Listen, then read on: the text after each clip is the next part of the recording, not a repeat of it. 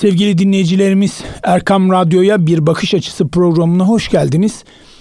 Bugün Çukurova Üniversitemizden Profesör Doktor Aykut Gül hocamızla beraberiz. Değerli hocam hoş geldiniz. Nasılsınız? Hoş bulduk. Ee, elhamdülillah iyiyiz. Sizlerle daha önce program yapmıştık ama Zoom üzerinden yapmıştık. Evet. Şimdi stüdyoda birlikte inşallah e, çok daha farklı bir ortamda çok daha güzel bir program olacak.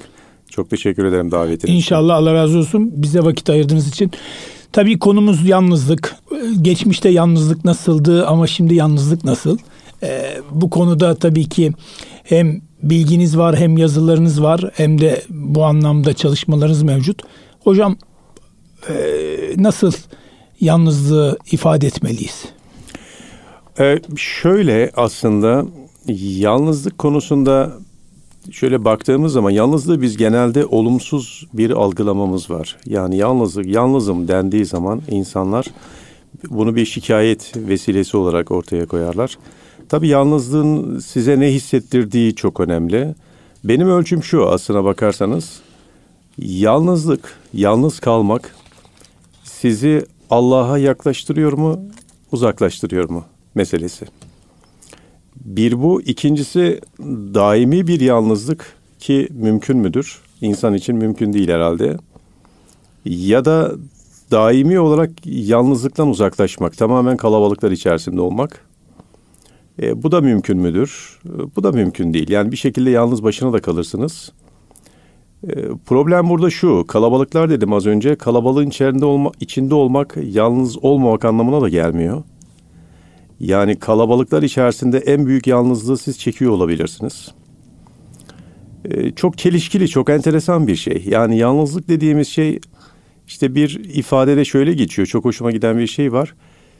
Ee, ilgisini istediğiniz kişinin ilgisini görememek. Yani çok sevdiğiniz bir insan var ve ondan ilgi görmek istiyorsunuz. Ama o kişi dönüp size bakmıyor, selam vermiyor veya uzaklaşıyor. O zaman insan yalnızlığı çekermiş.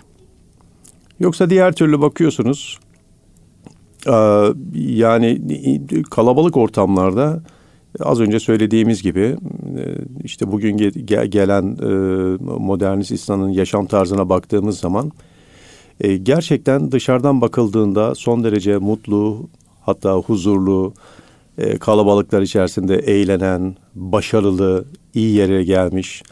Yani bu şekilde düşündüğümüz e, insanların aslında en büyük yalnızlığı yaşadığını görüyoruz. Ben naçizane şöyle değerlendiriyorum. Hayat bir denge üzerine. Yalnızlık da olmalı, tamamen de yalnızlık olmamalı. E şimdi pandemiden de çıkıyoruz. Pandemi de sona ererken bu Ramazan'da biraz böyle iftar programları da artmaya başladı. Aslında ben çok daha fazla artacağını bekliyordum ama e, nedense herhalde insanlar rehavetten kolay çıkamıyorlar. Çok ilginçtir gerçekten ben şunu fark ediyorum naçizane. Pandemi kurallarına cami cemaati kadar uyanlara ben rastlamadım. Katılır mısınız bilmem. Yani şu an yasaklar kalktı ama hala Doğrudur. cami cemaati maskeyi kolay kolay atmıyor. Aradaki o mesafeler hala var birçok yerde. İşte biraz kademeli olarak herhalde bunlar yavaş yavaş geçirecek. Mutlaka pandeminin etkisi var. Yani e, insanların tedirgin olanlar var ama ben birinci derecede şunu görüyorum şahsen. E, birbirimizden uzak kaldık ve buna alıştık. Yeniden bir araya gelmek neyi gerektiriyor? Yoğunluk var. Organizasyon, organize etmek var. O gelen insanları mutlu, mesut edebilmek var Dolayısıyla bir yorgunluk var, bir meşakkat var. Artı bir de tabii ki bazıları açısından baktığımız zaman belli bir maddi yük de getiriyor. Yani siz tabii ki eğer buna bir e, maddi yük, yorgunluk ve meşakkat diye baktığınız anda zaten otomatikman şey yapıyorsunuz. E, böyle bir daveti düşünmüyorsunuz. İşte kendi yağınızda kavrulmak, kendi çoluk çocukla evde mümkünse bu şekilde geçirmeyi belki tercih ediyorsunuz. Ama bunun kırılması gerektiğini düşünüyorum. Çünkü az önce söylediğim benim hani denge dedik ya. O sosyalleşmeyi bizim tekrardan kazanabilmemiz lazım. Şu anda Ramazan'ı bitirdik ama hani bu işte birkaç hafta önce bitirdiğimiz Ramazan'la ilgili eksiklerimiz neyse aslında bir sonraki senede bunu telafi etme çabası ve gayreti içerisinde olsak Evet. e, çok da bizim için sağlıklı olacak. Kesinlikle e, Ramazan'dan sonra bir sonraki Ramazan'a kadar aslında Ramazan'ı ona yayabilmek çok önemli. Çünkü bayramla birlikte biz Aa, tamam Ramazan'dan çıktık tekrar eski şeye hengame içerisine devam ediyoruz. Yani şunu demeye çalışıyorum işte sabah namazı, sabah namazından sonra tabii biz e, ya öncesinde ya sonrasında mutlaka uyumuş oluyoruz. Genelde şikayetimiz nerede bizim? İşte sabah kalktığımızda kötü bir mideyle uyanmak. Hatta sabah namazından sonra da işte biliyorsunuz 45 dakika bir kerahat vakti var. Onu da beklemek lazım. Ve o dönem içerisinde Hani illaki e, bir, bir takım ibadetler değil. O günün en önemli işini de tamamlayabilirsiniz. Yani bilgisayarda hazırlayacağınız bir rapor olabilir, okuyacağınız bir şeyler olabilir. Bunları tamamlayabilirsiniz ve sonrasında eğer vaktiniz müsaitse bir, bir miktar uyku olabilir. Ama daha da güzeli aslında bize tavsiye edilen bir öğle uykusu, gündüz uykusu değil mi? Kaylule dediğimiz. Akdeniz ülkelerinde siesta diye geçen, şekerleme dediğimiz değişik değişik tabirleri var bunların. Bunu çok iyi yapabilmek gerekiyor. Çünkü mesela gündüzkü bir yarım saatlik uyku e, çarpı dört deniyor. Gece iki saate bedel. İşte belki televizyon, belki ekranlar, belki elimizde tabletler, bilgisayarlar e, sürekli ekranların başındayız. Kendi başımıza kalamıyoruz. Yani o yalnızlık konusuna yine gelecek olursak aslına bakarsanız pandemide biz bunu gördük. Pandemide çok da fazla böyle kendi başımıza kalamadık. İlk başta kendi başımıza kaldığımızda korktuk, panikledik. İlk defa kendimizle yüzleştik. Belki aynaya baktık, belki kendi iç alemimizi gördük. Oradaki kötü beni belki fark ettik, gördük. O bizim için dehşet verici bir şeydi. Yani bugün şeye baktığımızda özellikle hani o pandemide kendi kendinizi yönetebilmek, özellikle de izole edildiğiniz o karantina dönemlerine falan baktığınızda yani dışarıdan gelecek bir ekmeğe muhtaçsınız ve e, hayatınızı sorguluyorsunuz. Aslında bu çok büyük bir fırsat da hepimiz için.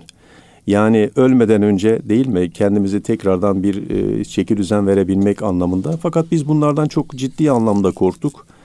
Ve bugün yalnızlık dediğimde benim aklıma şey geliyor. Çin'deki bu Şangay kentindeki 25 milyon insanın evlerine şu an kapatılmış durumda olması. Yani nedeni tam bilinmemekle birlikte ama o insanların bakıyorsunuz bağırışmaları, çağrışmaları, işte kendilerine bir ekmek gelip gelmeyeceğini bilmiyorlar. Ee, böyle bir ruh hali içerisinde. Yani bazıları bunu bir sosyal deney olduğunu falan da söylüyorlar. Tabii onu e, çok bilemiyoruz, göreceğiz ilerleyen zamanlarda. Ama yalnızlıkta benim özellikle gördüğüm şey şu, e, güvensizlik.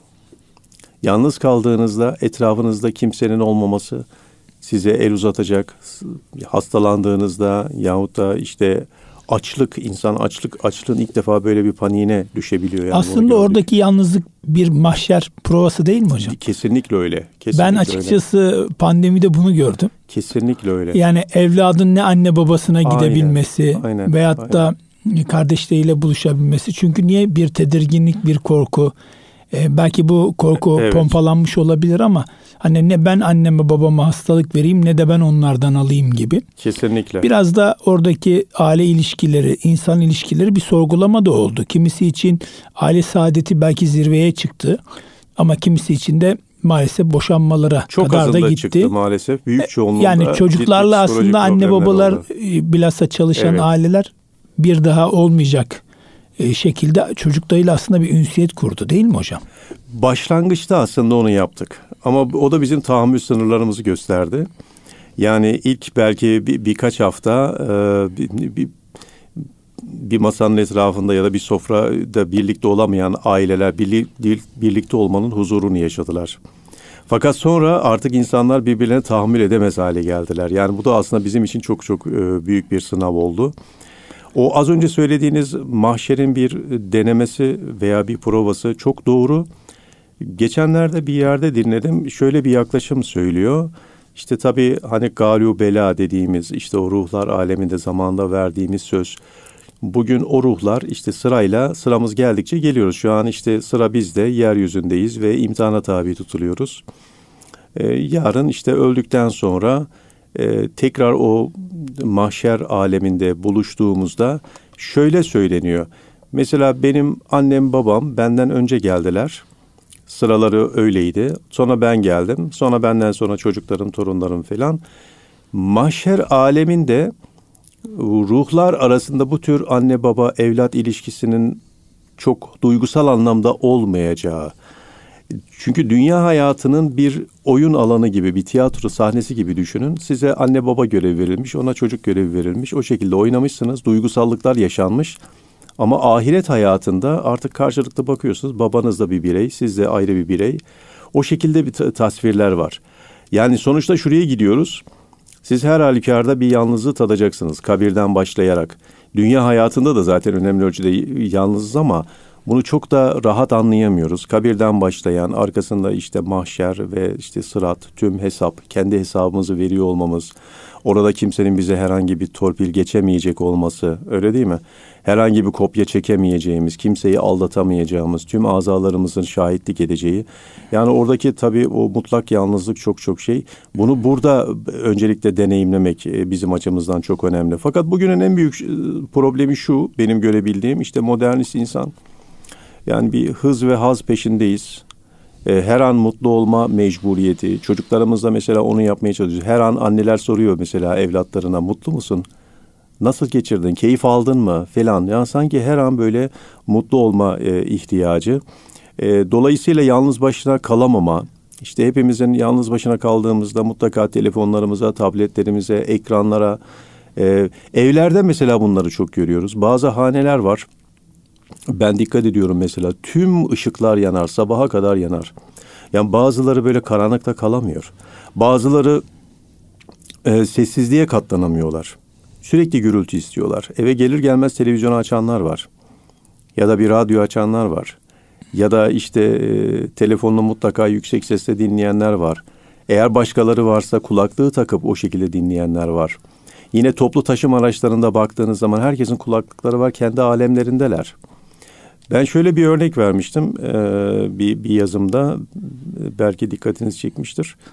E, bir sene 1986 ilk benim Amerika Birleşik Devletleri'ne gidişim ve o dönemde e, benim İngilizceme çok büyük katkısı oldu. Çünkü Amerikalılar gerçekten çabuk kaynaşabiliyorlar ve çok konuşuyorsunuz. Yani sokağa çıktığınız andan itibaren herkesle işte selamlaşıyorsunuz, hal soruyorsunuz falan.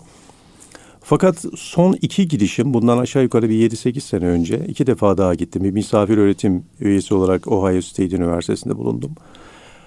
Ee, fakat orada gördüm ki Amerikalılar iyice yalnızlaşmışlar. Çünkü herkesin kulaklıkları var. Kimse kimseye merhaba demiyor. Hiç konuşamıyorsunuz. Ve ben şimdi arkadaşlara diyorum ki yahut da işte gençlere yani İngilizce öğrenmek için öyle çok da Amerika'ya, İngiltere'ye falan gitmenize gerek yok. Çünkü kimseyle konuşma fırsatınız yok. Bugün sanal ortam üzerinden İngilizceyi konuşabilme imkanı çok daha fazla, dinleyebilme imkanı çok daha fazla. Oyun oynayarak çocuklar İngilizce öğreniyorlar. Öğreniyorlar kesinlikle. Ama bu şeyde kalmadı artık. Gidelim de orada native English yani e, orijinal, orijinal, orijinal ana dili gibi bunu öğrenebilmek. Artık onlar da hep hayalde kaldı. Onlar tamamen yalnızlar. Tamamen yalnızlar. Yani bugün pandemide biz de biraz ba- batılı toplumdan o standardına geldik maalesef ki. İşte dışarıdan her şeyi online sipariş ediyoruz. Ee, kargo elemanı kapıya yüzümüz, yüzünü görmüyoruz bırakıp gidiyor. Dolayısıyla tüm bunlara baktığımız zaman insanlardaki etkileşim minimize oldu. Mesela Amerika'da bir markete gidiyorsunuz. Markette kendiniz yaptığınız alışverişi kendiniz tartıyorsunuz. Kendiniz kredi kartınızdan ödüyorsunuz. Kasiyeri görmeden çıkıp gidiyorsunuz. Benzinlikte benzer şeyi yapıyorsunuz. Bankamatikte bizdeki gibi inip bankamatiğe dahi gitmiyorsunuz. Hemen arabadan uzanıp bankamatik işlemlerini yapıyorsunuz.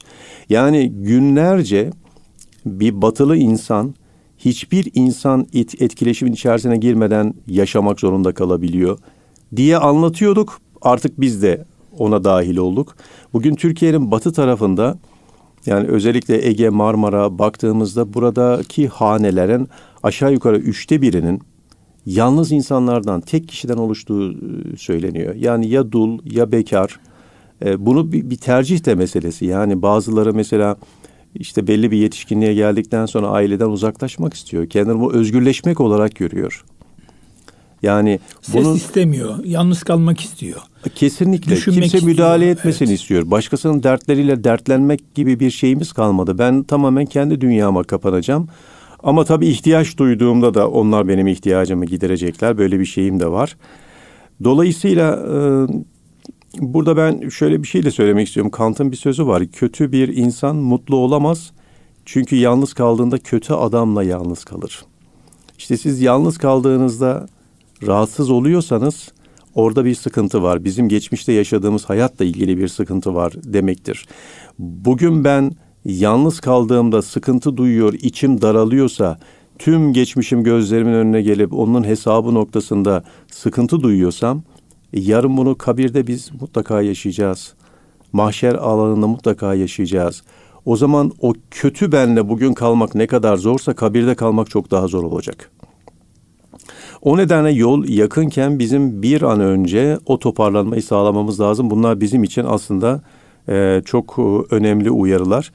Yani hep söylenir ya o kabir hayatı. Yani kendi başınasın. Kendin işte kötüysen kötü biriyle orada baş başa kalacaksın. Amellerin kötüyse o kötü amellerinle orada kalacaksın. Ve dünyadaki senin sahip olduğun bırakmak istemediğin her şeyin hesabını vermek durumunda kalacaksın. Hatta insanoğlu unuttuğunu bile orada aa bu da mı vardı? Evet. Hepsi ee, hatırlatılacak. Her şey hepsi kayıt altında. Full HD kalite içerisinde. yani bugün insanlarda biraz şu panik var. Aa nerede kamera var? Kayıt altında mıyım acaba? Ee, değil mi? Sürekli böyle dinleniyor muyum? Yani aslında gerçekte bakacak olursanız zaten evet dinleniyoruz. Hepsi kayıt altında. Tamamı karşımıza çıkacak yarın. Hiçbirini re- reddedemeyeceğiz. Acaba bunlar montaj mıydı falan diye böyle bir sorgulama şansımız olmayacak. Dolayısıyla e, bizim için önemli olan işte o birlikte kalmaktan korktuğumuz o beni dönüştürebilmek çok önemli. Bir de tabii düşünmek insanın kendisiyle konuşmasıdır diyor. Kendimizle konuşabiliyor muyuz? O cesaretimiz var mı? Tabii bu pandemiyi yavaş yavaş üzerimizden atıyoruz değerli hocam ama az evvel de sizin zikrettiğiniz gibi üzerimize kalan bazı kalıntılar da var. Bakalım bundan sonraki süreç ne olacak? Hem çocuklar için hem bizler için hem yaşlılar için. Bilhassa e, birinci ve ikinci sınıfa başlamış hı hı. ve aniden pandemi sebebiyle evde kalmış. Evet. Okuma yazmayı çözememiş. Evet. Üçüncü sınıf, dördüncü sınıf öğrenciler de var. E, bu yalnızlık bize büyük ihtimalle bir bedel ödetecek ama ne olacağını bilmiyoruz. Değerli hocam kısa bir ara verelim. İnşallah programımıza kaldığımız yerden devam edelim. Değerli dinleyicilerimiz kısa bir aradan sonra programımıza kaldığımız yerden devam edeceğiz. Sevgili dinleyicilerimiz programımıza kaldığımız yerden devam ediyoruz. Bakış açısı programımızda bugün Aykut Gül hocamız var. Profesör Doktor Aykut Gül hocamız Çukurova Üniversitesi'nden. Yalnızlığı konuşuyoruz. Çok önemli bir kavram. E, değerli hocam buyurunuz devam edelim inşallah. Pandemi ve bundan sonraki süreçte e, bizim halimiz ne olacak? Evet, yani pandemide tabii e, bazı insanlar pandemiyi fırsata çevirdi. Bazılarımız ise habire şikayet ettik ve kaybettik. Ya aslında hayat tamamen öyle bunun üzerine öyle görmek lazım. Yani e, önümüze sürekli olarak değişik şeyler çıkıyor. İmtihan vesileleri yahut da olaylar. Bunlara karşı bizim tutumumuz çok önemli. Yani bunu ya fırsata çevirirsiniz ya da sizin için ciddi bir e, sınav olur ve o sınavdan kalırsınız. O nedenle şikayet etmemek ve onu mutlaka avantaja çevirebilmek e, çok önemli diye düşünüyorum. Mesela ben kendimden örnek vereyim. İşte biz pandemide kapandık, uzaktan eğitime başladık. Uzaktan eğitimin tabii hiçbir keyfini alamadık yani onu söyleyeyim. Yani son derece de verimsiz oldu. Ee, yani kendimiz şöyle hazırlıkları yapıp ona gereken önem vermemek anlamında değil.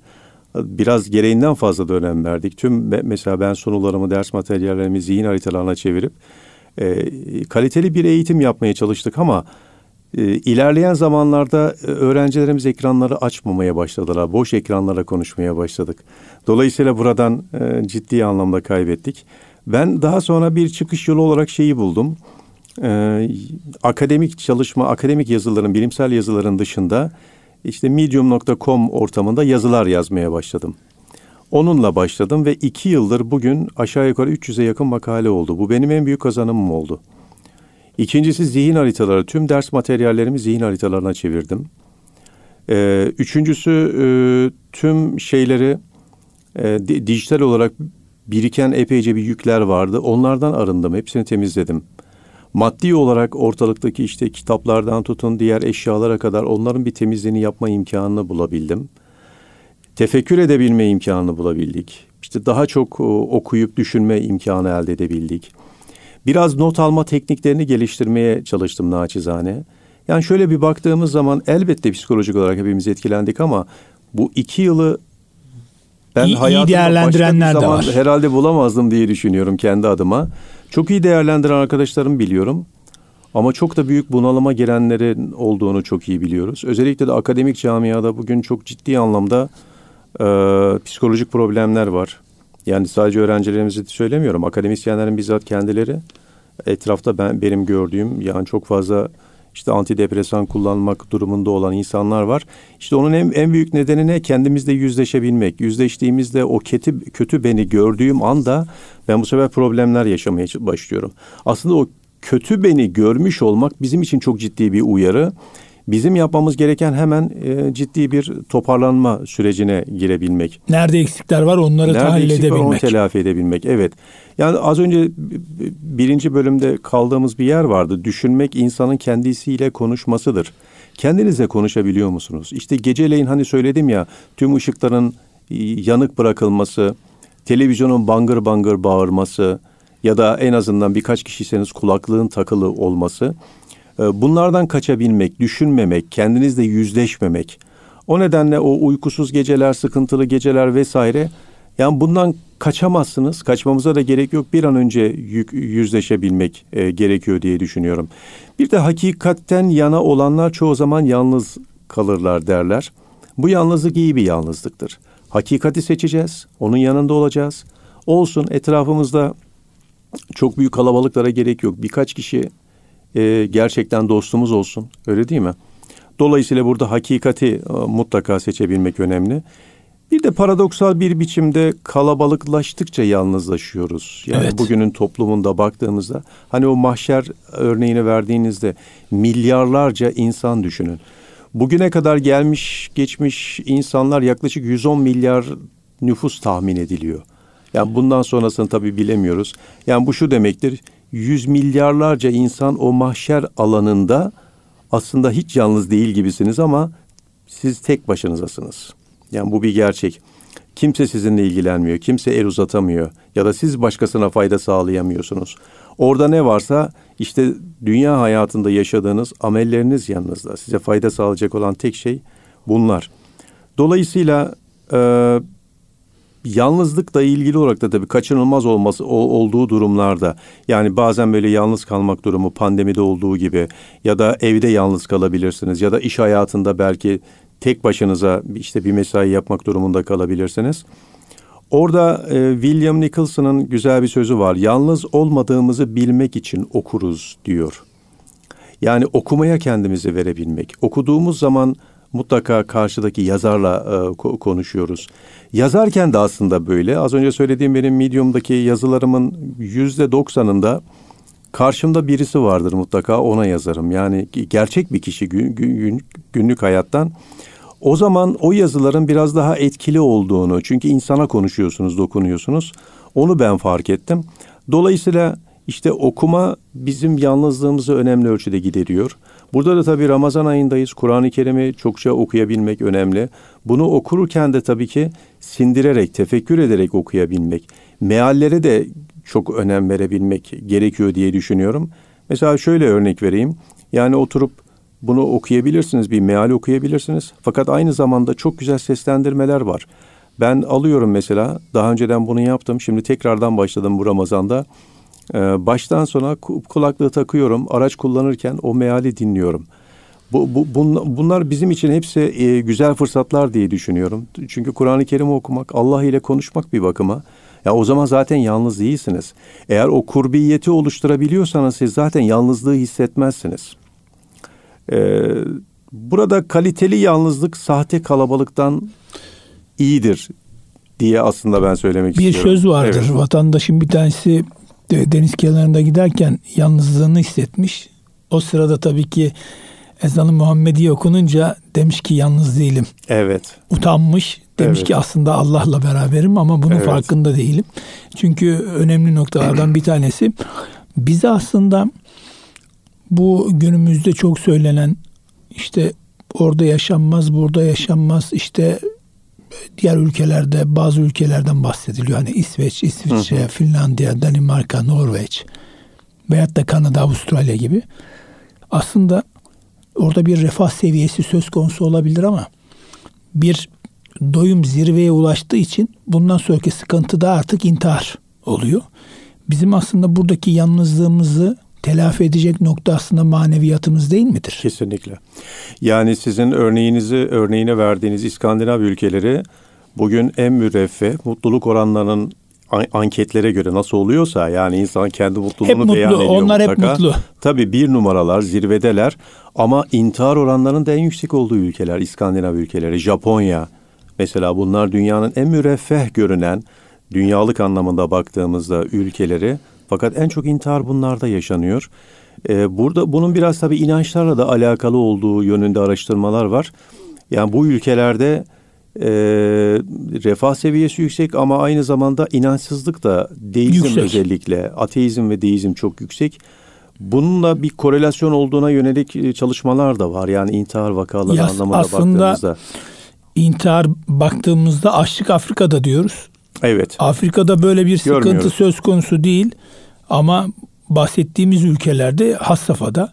Evet. Yani bunu aslında hocam ortalamak lazım. Yani tamam onlarda bazı şeyler olabilir ama bizdeki maneviyat aslında onların üstüne çıkması lazım. Kesinlikle. Bunun e, içinde miyiz? Yani bu havuzun içerisinde miyiz? Bu zenginliği görüyor muyuz? Biz de biraz onu kaybetmeye başladık gibi sanki. Onları çok iyi tartışmak lazım. Yani özellikle de anlam arayışı noktasında yani bugün e, gençlerimizi biz çok yalnız bırakıyoruz. İyi anlatamıyoruz. E, inançlarımızı, değerlerimizi anlatırken sadece e, bunları şekiller ibaret olmadığını, özellikle kalbe mutlaka inebilmek gerektiğini düşünüyorum şahsen. Yani hayatta bir kere hayatın e, niçinine cevap verebiliyorsanız nasılına da cevap verebilirsiniz. Yani ben hayatta nasıl başarılı olabilirim, ne yapabilirim? E, öncelikle bizim hayatın anlamını bir kere kavramış olmamız gerekiyor. Bunu kavrayamadıysak orada bir ciddi sıkıntımız var. Bunu biz veremiyoruz, anlatamıyoruz ve bugün gençleri bunu çok fazla sorguluyorlar. Sorguladıklarında da maalesef ki yanlış yerlerden cevap alıyorlar. Cevap aldıkları yerler sosyal medya. Yani orada da özellikle de inançsızlığı pompalayan çok fazla kaynak var. Hatta ve hatta bizim işte dini içerikli dediğimiz birçok yayında da maalesef ki böyle işte 100 birimden bir birim içerisine bir zehir enjekte edildiğini de çoğu zaman fark ediyoruz. O yüzde birlik zehir e, sizi ifsad edebiliyor, öldürebiliyor, inançlarınızı yok edebiliyor. Ee, ve biz yan yana bulunduğumuz çocuğumuzun bizden kayıp gidebildiğini farkında bile e, olamıyoruz maalesef. O bakımdan e, şu Ramazan ayı bizim özellikle de biraz tasavvufi anlamda baktığımızda ya Anadolu e, şeyine o kültürümüze tekrardan dönebilmek çok önemli. Bir içsel yolculuğa çıkabilmek lazım. İşte son 10 gün itikaf değil mi bizim kültürümüzde ama itikafın anlamını bugün e, çoğumuz bilmiyoruz. Yani son 10 gün kapanabilmek. E, ben şöyle bir düşünüyorum. Acaba kaç kişi buna tahammül edebilir? 10 gün tamamen izole olup tefekkür ve ibadetle geçirebilmek. Çünkü çoğu zaman bakıyoruz mesela özellikle de gençlerimizde işte Z kuşağı diye ötekileştiriyoruz ama çok doğru bulmuyorum ben bunu. Fakat yine de e, özellikle de bizim seminerlerimizde, derslerimizde falan baktığımızda böyle bir karşımızda odaklanamayan hiperaktif bir grup var. E, şimdi 3-5 dakika dahi konsantre olamayan e, insanımızı o itikafta 10 gün süreyle itikafta ben düşünemiyorum şahsen.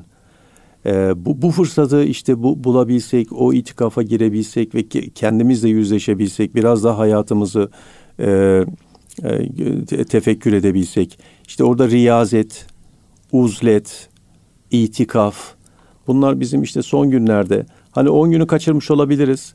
Bazıları diyor ki bunu bir günde yapabilirsiniz. Bir günde yapabiliriz. Değil mi? Tabii, tabii. Hatta birkaç saat de yapabilirsiniz. Yani önemli olan bir yerden yakalayabilmek, yapabilmek diye düşünüyorum. Çünkü bunun çok örnekleri var. İşte Peygamberimizin Hira Dağı'ndaki o peygamberlik öncesi, nübüvvetten önce e, kapanması e, çok önemli bir örnek. Miraç hadisesi, Hazreti Musa'nın aleyhisselam Sina Dağı'ndaki ilahi emirleri alışı, Bunlar hep uzret ve manevi yolculuklar. Özellikle de Hazreti Yusuf'un işte kuyuya atılması, kuyuda tek başınasın, başınasınız.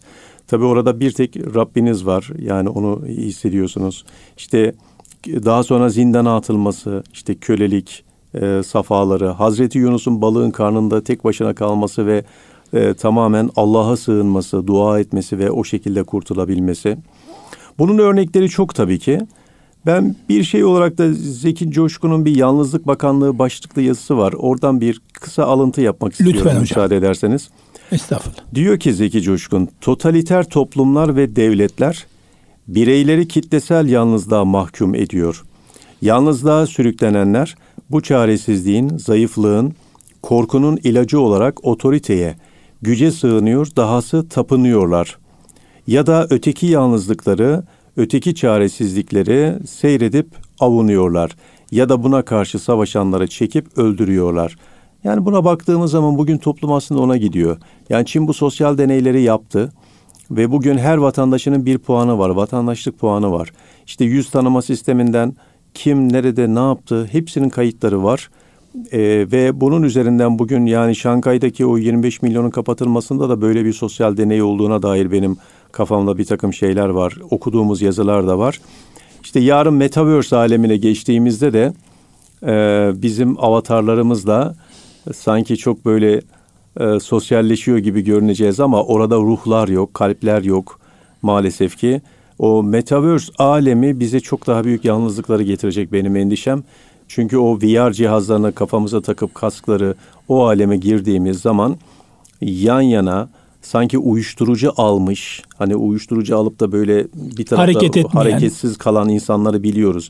VR'larla belki e, bunlar yaşanacak. Siz metaverse aleminde bir şeyler yaşayacaksınız. Belki haz peşinde koşuyor olacaksınız. Belki çok da mutlu hissediyor olacaksınız ama bunlar gerçek mutluluklar olmayacak. Gerçek huzurlar olmayacak. Yani biz e, internetle, arkasına akıllı telefonlarla, arkasına e, sosyal medyayla ciddi yalnızlaştık. Yani ben bazen böyle büyüklerimize bayramda falan gittiğimizde şu şikayetleri alıyordum. Ee, ben, yani mümkün olduğu kadar şahsen kendim sosyal medyadan uzak durmaya çalıştığım için çok da gerekli gereksiz cihazları elime almamaya çalışıyorum. İşte o büyüklerle empati yapıp böyle konuştuğumuz zaman şikayet ediyorlardı. Bak gördüğün gibi diyordu. Etrafta herkes ekranların içerisinde ben akşamları yalnızım falan diyen büyüklerimizi görüyordum. Fakat sonra Aradan bir, birkaç ay geçti. Tekrar ziyaret ettiğimizde o büyüklerimize onların da Facebook'un içerisine girmiş olduklarını gördüm. Yani artık 3-5 yaşından 70-80 yaşına kadar fark Biraz etmiyor. da mecburiyet de olabilir hocam. Yalnız kalınca hadi ne Yalnız yapalım kalınca, diye aynen, istersin. aynen. Aslında şöyle bir şey daha var. Bunu konuşurken biz yapıyoruz yapmıyoruz anlamında değil ama ben açıkçası telefonumda sosyal medya yok. Hiç yok yaklaşık bir senedir. İhtiyacım olduğunda bilgisayardan 3-4 günde bir belki de bir haftayı buluyor. Giriyorum yapmam gereken neyse hocam 5-10 bilemedin 15 dakika fazla değil. O kadar evet. Neden biliyor musunuz? Girdiğinizde şuna bakayım buna bakayım ha bak burada ne yorum yazılmış bunu okuyayım dediğimizde iş başka bir boyuta geçiyor. Bu sefer kendi zamanınız gidiyor okumanız gerekenler yazmanız gerekenler e, çocuğunuzdan ailenizden götürdüğünüz zaman dilimleri oluyor. Evet. E, bir de bunun bir hastalıkları olacak. Boyun fıtığı olacak, Tabii. bel hastalığı olacak, vücut hastalığı olacak falan. Ama burada bunu asgariye indirdiğimiz takdirde değerli hocam ben inanıyorum ki kendimize ve çevremize çok fazla Kesinlikle. e, zaman ayıracağız. Bu bizim elimizde hocam. Kesinlikle. Yani Metaverse çıktığı zaman girmezsek Metaverse'te bizim bir ilgimiz olmayabilir. O sanki girmek zorunda kalacağız. Bakın sosyal Yani medyadan girsek bile aslında yani bunu işte diyorum ya bir ölçü. Yönetebilmek. Heh, şimdi e, bizi dinleyen e, velilerimiz, ablalarımız, büyüklerimiz, annelerimiz e, bir börek yaptığı zaman veyahut da bir yemek evet. ölçüyü kaçırdığında ne Tabii olur? tabii tabii tabii. O yemek yenir mi, yenmez? Her şeyin fazlası zehirdir sonuçta. Ee, hatta helalin bile fazlası değil mi? Yani hepsinin hesabı var netice itibariyle. Fazla olduğu zaman he, akşam oturduk iftarda mesela ya çok fazla kaçırdığımız zaman o bize zarar veriyor. Tabii tabii yani bu e, Ramazan'da e, işte bitirdik gerçi ama hani çok fazla yediğimizde bu sefer ne oluyor? Vücut belki saatlerce boşken bir anda e, Tabii. saldırı haline geliyor. Ondan sonra sodalar gelsin. Bu sefer vücuda da aslında zarar veriyoruz. Tabii. Ne güzel dinlenmişken. Hocam yani yalnızlığın acaba diğer halini nasıl toparlayabiliriz son olarak? Evet, yani bu, burada en büyük yalnızlığı benim görebildiğim Batı dünyasında yaşlılar yaşıyorlar. Yaşlılar çok yalnızlar. Kimse ziyaret etmiyor onları. Bizde çok şükür ki kültürümüzde öyle bir şey var ki biz yaz, yaşlarımıza daha çok sahip, hala sahip çıkıyoruz. Bizde yalnızlığı biraz daha gençler yaşıyorlar. E, şimdi de çocuklar yaşamaya başladılar. Onun da nedeni bizim işimize geldiği için onları elektronik olarak bağımlı hale getirdik. E, o bakımdan sizin söylediğiniz şeyi ben çok önemsiyorum. E, bu elektronik cihazları bizim yönetebilmemiz lazım. Onların bizi yönetmemesi. Bağımlılık noktasına gelmemesi son derece önemli diye düşünüyorum. Yani sosyal medya noktasında söylediğinize ben şöyle katılıyorum. Bir 7-8 yıl önce ben tüm hesaplarımı kapattım. Ve hiçbir şey kaybetmedim. Hiçbir şey kaybetmedim. Yani bugün eğer bu hesaplarım benim olsaydı, birçokları olsaydı... E, Pandemide hani, belki de zirve olurdu. Pa, pandemide zirve olurdu bir. İkincisi örneğin 300 tane Medium makalesini yazamazdım. Mümkün değildi bunu yazmam. Sonra diyeceksiniz ki mesela şunu bazı o, dinleyicilerimiz düşünebilirler. Ya peki buradan uzak kalmak e, ne ne kaybettiriyor? Yani dünyadan olup bitenlerden haberdar olamama endişesi yok mu? Ben her şeyden de haberdar olabildiğimi zannediyorum, düşünüyorum. Şimdi en son geçenlerde baskılar üzerine bu Medium yazılarını paylaşmak için bazen de YouTube'da videolarımız falan oluyor. Bunları paylaşabilmek adına baskı üzerine e, Aykut Gül Dijital Medya diye bir şey açtım hesap. Ama orada etkileşime girmiyorum. Sadece paylaşımlarımı oraya koyuyorum. Takipçiler oradan faydalanabiliyorlar. Dolayısıyla bazen böyle şeyler alıyorum hocam. Hani işte bize tavsiye ediyordunuz dışarıdaydınız falan diye. Oradaki biraz e, şöyle artıya kullanabiliyorsak orada olmak zorundayız. Yani bugün çok güzel dijital içerikler üretebilmek zorundayız. Bunu ma- maalesef ki bazı mecralar çok iyi yapıyorlar. Çok da güzel toplumu e, ifsad ediyorlar, zehirliyorlar. Aslında bu hepimizin görevi kaliteli içerikler e, üretebilmek. Tabii bunu yapabilmek için de önce fikir üretebilmek, içerik yapabilmek gerekiyor, yazabilmek gerekiyor diye düşünüyorum. O bakımdan bugün yalnızlıklar daha çok işte bizim gençlerimiz üzerinde maalesef ki onlara sahip çıkabilmek, dokunabilmek çok önemli. Bu anlamda da ilgimizi onlardan esirgememek gerektiğini düşünüyorum. Mesela bir öğrencimiz benim odama geldiği zaman ben tüm işimi gücümü bırakıyorum, tamamen ona yöneliyorum. Elime kağıdı kalemi alıp gerekiyorsa not almam gerekiyorsa not alıyorum. Ve emin olun çoğu zaman onun problemini çözemesem dahi onun çok mutlu, huzurlu bir şekilde oradan çıktığını görüyorum. Çünkü insanların ilgiye ihtiyaçları var, ilgiye muhtaçlar. Onu bizim gösterebilmemiz gerekiyor. Bu hepimizin e, görevi diye düşünüyorum. Dolayısıyla dengeyi korumak önemli. Zaman zaman yalnızlıkları tecrübe edeceğiz. Ama e, tamamen de bencil olup kendi başımıza kalıp toplumdan da soyutlanmayacağız. Hem sosyal e, yönümüz olacak hem de yalnızlıkları e, te- te- tecrübe edeceğiz. Bunu yapmamız gerekiyor diye düşünüyorum. O zaman kazananlardan oluruz inşallah. İnşallah hocam çok teşekkür ediyoruz. Allah razı olsun. E, değerli dinleyicilerimiz bakış açısı programımız burada bitiyor. E, değerli konuğumuz Aykut Gül hocamız, Profesör Doktor Aykut Gül hocamızla çok teşekkür ediyoruz. Çukurova Üniversitesi'nde öğretim üyesi değerli hocamız. Önümüzdeki hafta aynı gün ve saatte tekrar görüşmek ümidi ve duasıyla Allah'a emanet olunuz.